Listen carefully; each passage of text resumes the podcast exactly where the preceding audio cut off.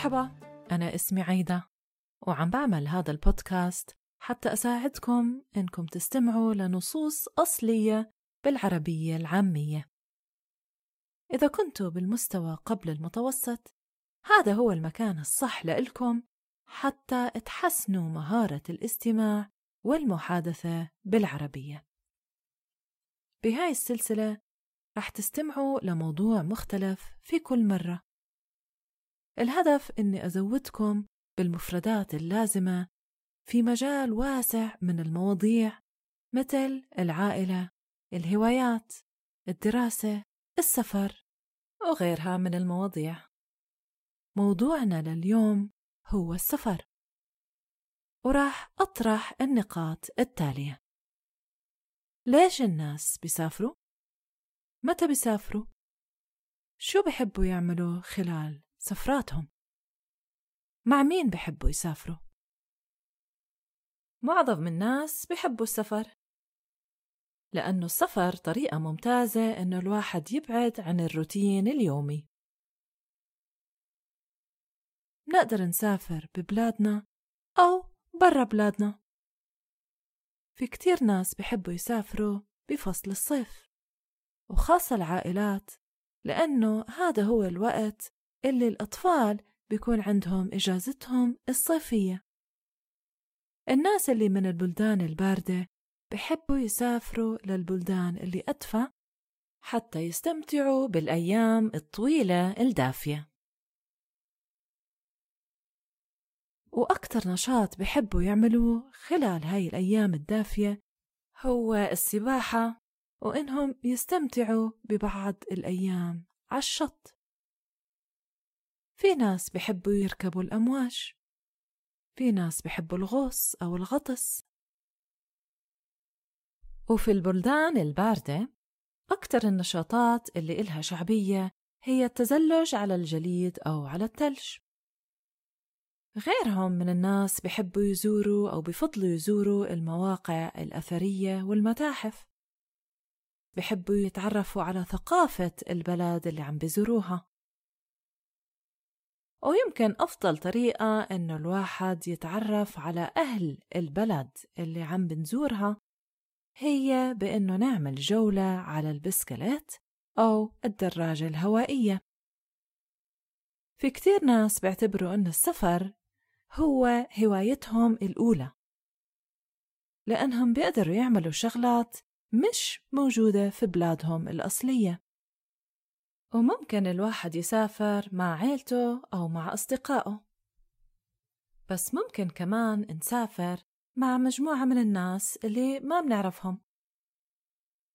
لما نسافر مع مجموعة من السياح دايما إشي لطيف إنه نتعرف على ناس جداد. بس ممكن من السلبيات بهاي الحالة هو إنه إحنا ما بنقدر نمشي حسب خطتنا وما بنقدر نقرر قديش حابين نضل بكل موقع. ببلادي الأردن مش الكل بقدر يسافر على بلد أجنبية في إجازته.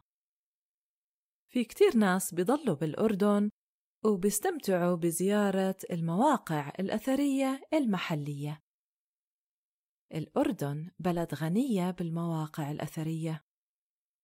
وأكثر المواقع المعروفة عالمياً جرش، أم قيس، المختص والبتراء وهلأ خلينا أعطيكم مثال إيش ممكن الواحد يحكي أو يجاوب إذا انسأل بعض الأسئلة المرتبطة بالسفر. أنا بسافر لما يصح لي ولما أكون وفرت شوية فلوس للرحلة. بحب أسافر للبلدان الدافية لأني بحب الشمس. كتير بستمتع بإني أشوف شغلات جديدة وإني أتعرف على مدن جديدة. كل رحلة بشوفها مثل المغامرة وهي فرصة أنه الواحد يبعد عن الروتين اليومي.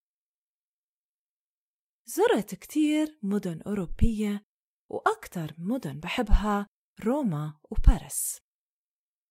التنين عبارة عن عواصم فيها كتير من الفن وبتقدر تحس قديش الفن مهم من عدد المتاحف والمعارض اللي متوفرة للزيارة. بس أنا كمان بحب الريف فيش إشي أحلى من إنك تقعد بالطبيعة وتشوف منظر طبيعي خلاب قدامك تتفرج عليه. بحب أسافر مع عيلتي لأنه مع العيلة الواحد بقدر يكون على طبيعته ويرتاح بعطلته.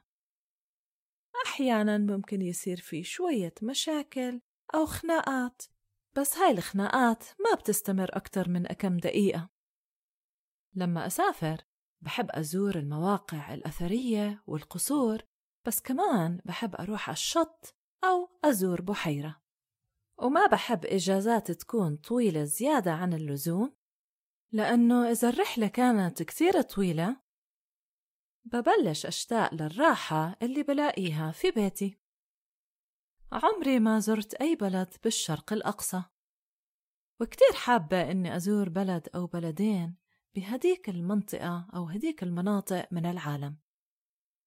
وأظن إنه السبب الوحيد اللي ما زرتها لغاية الآن هي المسافة البعيدة. وهذا معناته أنه ممكن أضطر أقعد على الطيارة لعشر ساعات على الأقل. السفر بالطيارة لساعات طويلة ممكن يسبب إجهاد وإرهاق. وهيك إحنا منكون وصلنا نهاية حلقتنا لليوم على موضوع السفر. بتمنى إنكم تكونوا تعلمتوا مفردات جديدة مفيدة. ما تنسوا تتركوا لي لايك وتشتركوا بهذا البودكاست. شكرا كثير لاستماعكم. حاولوا إنكم تكونوا معي بالحلقات الجاية وإلى اللقاء.